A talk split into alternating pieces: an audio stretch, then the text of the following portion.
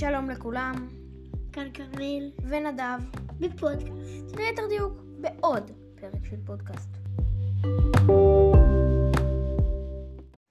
והיום אנחנו נדבר על אחד האוצרות הגדולים ביותר בהיסטוריה, תרתי משמע. אחרי הכל, שישה טון ענבר זה לא מעט. מישהו מנחש למה אני מתכוון? אני, אני! אה, כן, מה? שלושה פילים מאבן חן! טוב, לא בדיוק.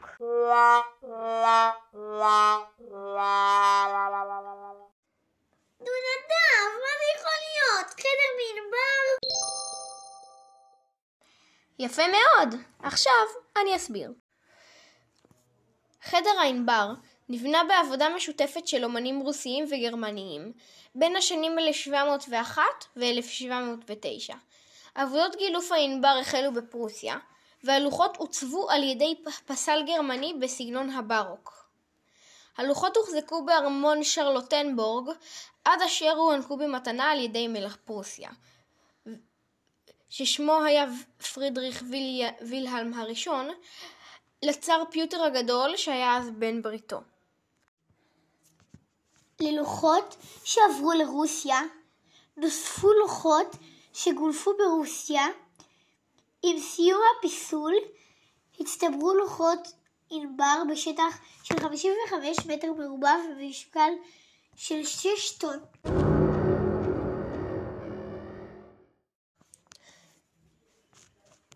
זמן קצר לאחר פלישת גרמניה הנאצית לברית המועצות במסגרת מבצע ברברוסה במלחמת העולם השנייה, ניסו שלטונות ברית המועצות לנסות להציל את אוצרות הארמונות שסביב סנקט פטרסבורג ובעיר עצמה, ולהרחיקה מהחזית.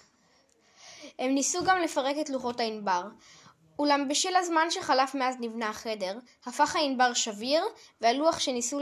להסיר התפורר. על מנת להגן על הענבר כוסו הלוחות בטפט פשוט.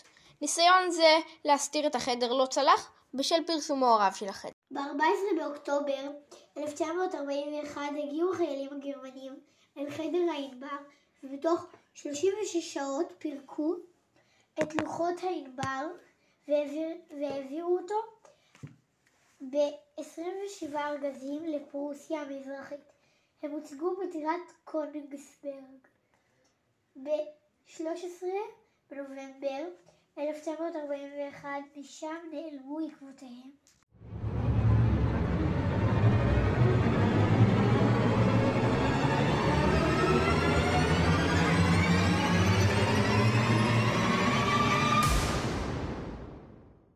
בשנות ה-70, לאחר חיפושים רבים, והבנה שכל הנראה חדר הענבר לא יימצא, החלו בשחזור. עבודות השחזור לקחו למעלה מ-20 שנה, אבל כיום אפשר לראות את החדר בשנית.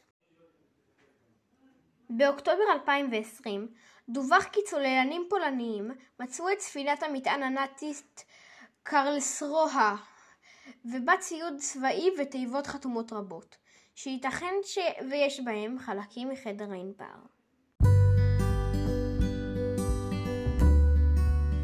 טוב, זה סוף הפרק. מקווים שנתקרא בקרוב. ביי! ביי.